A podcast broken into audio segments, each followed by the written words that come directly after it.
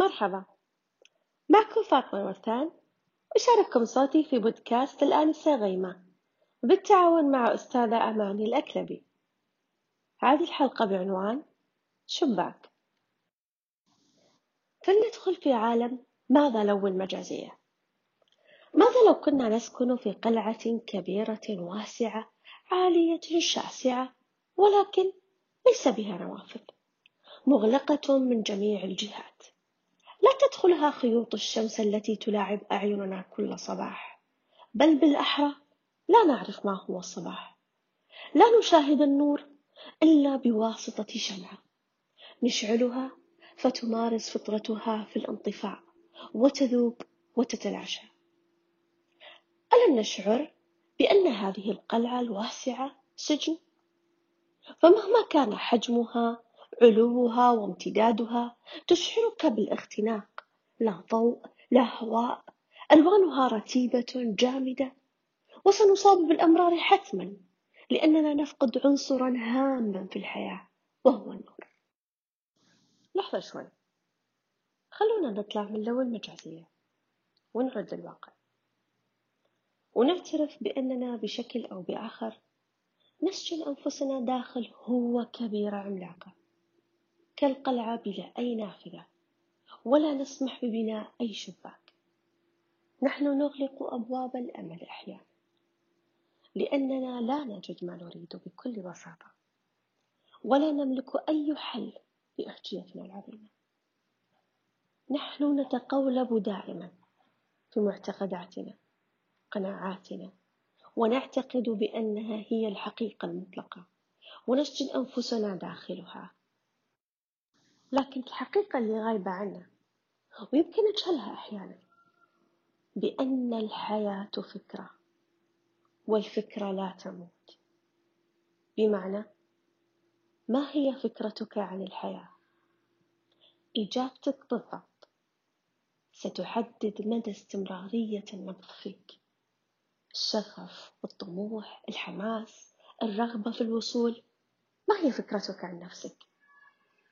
أو ما هي فكرتك عن الانطفاء التي تمارسه عليك الحياة بين الحين والآخر؟ هل تعتقد بأنك الوحيد الذي يخطئ؟ وتحصر نفسك في زاوية جلد الذات؟ هل لا زلت تقاوم فكرة أنك حزين؟ وفكرة أنك تحتاج للدعم كي تنجو من السقوط؟ هل الفشل يخيفك ويبعدك عن لذة التجربة؟ نوقف شوي. نلعب لعبة. أغمض عيناك. تنفس بعمق واسترخي أنت داخل جسدك الآن. أبصر معي. وانظر ماذا ترى. كيف ترى نفسك الآن؟ بالمناسبة. كل شيء. تبي تخفيه عن نفسك؟ بعد فترة راح تشوفه يطفو على جسدك.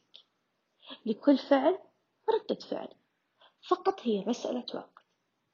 إذا فهمت اللعبة راح تكون أنت الفعل ولن تشاهد أي ردة فعل عليك. استرخي مرة ثانية. وتنفس بعمق. أنت داخل اللعبة من جديد. من يحركك؟ ويحرك الأشياء حولك. أنت أم تنازلت عن حقك في الاختيار وتركت العالم بأسره يعبث فيك؟ تأمل حولك. انظر ماذا ترى. انظر إلى سجنك وكم شباك أغلقت أمامك. انظر إلى ذلك المعتقد الذي جعلك مكبلا بقيود وهمية. لا تلعب فقد كبرت لا تبكي في البكاء ضعف. لا تقل أنا حزين فتجلب الكآبة للآخرين. اكبت مشاعرك مخاوفك اصمت كي لا تخرج بصورة منكسر كن لامعا من الخارج. أما داخلك إذا كان مهتري هزيل لا بأس لا أحد يعلم غيرك. وغيرها من اللاءات والممنوعات التي كبرنا على أنها حقائق. وهي ليست إلا سجن. تكبر وتنمو في داخلنا حتى حتى تصبح قلاعا لها جذور ممتدة في عقولنا. ليس من السهل التخلص منها. من الآخر إحنا كائنات مبرمجة. كل الأوامر اللي تلقيناها في الصغر تكبر معنا إما نجاحت من أجل التغيير ولا راح تظل معنا حتى نموت. خيار التغيير ليس بالأمر السهل ولكنه ممكن ومتاح. في أي وقت وأي زمن. في لحظة ما كنت أعتقد بأن المدرسة العامة مضرة لطفلي المصاب بالقزامة لأحميه من التنمر. كان على عاتقي حمل كيف أبرر نظرات الناس. أجبرنا مدير المدرسة الخاصة بأن ندمج مع الطلاب في المدرسة العامة. كنت تاج نفسي في دائرة الخوف والقلق والتوتر ومرضت نفسيا وجسديا. بعد التحاقها بالمدرسة العامة بشهر جاء فرح يقول لي أمي أنا التحقت بالنظام. معناه أنه ما كانت عنده مشكلة. أنا اللي كانت فيني المشكلة. شعرت بحجم السجن اللي كنت فيه. سجن وهمي غير موجود. استصغرت هذا الإحساس في نفسي وحسيت طفلي أكبر مني. بعدها قررت أكسر جدار وأبني شباك. افتح من جدار عقلك شباك. وتحرر من التصورات النمطية من الأشياء. ولتكن ردة فعلك مغايرة عن الآخرين. ليس بالضرورة أن تشبه أحد. العقد التي تشكلت بداخلك بالاكتساب أو بالتلقين المباشر فكها سهل جدا.